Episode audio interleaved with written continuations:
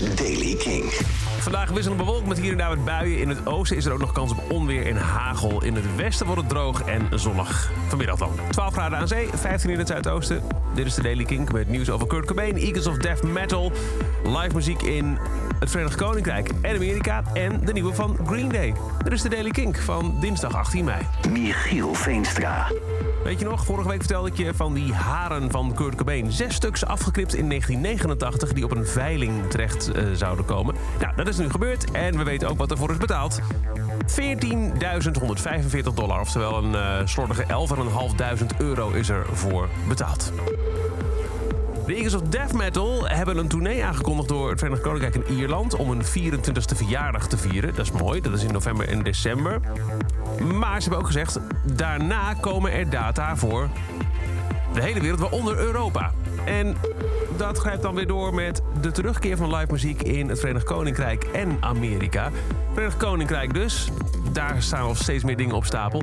De Londense grote zaal O2 heeft bekendgemaakt dat het vanaf augustus met volledige capaciteit weer zal draaien gaat eerst gebeuren met een reeks Welcome Back events. Met uh, voor het eerst sinds maart 2020 artiesten voor een volle zaal. Eerst is een komiek, dat is ergens in 8 december. Mo Gilligan and Friends.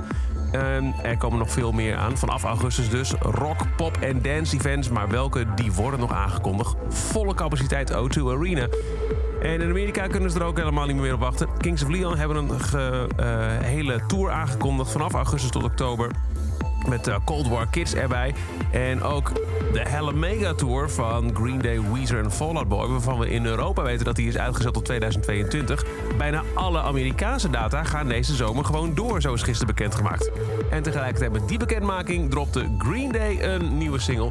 Gisteren hoorde je al een klein teasertje ervan... dat ze op social media hadden geplaatst in de Daily Kink. En nu dus het resultaat. Dit is Pollyanna.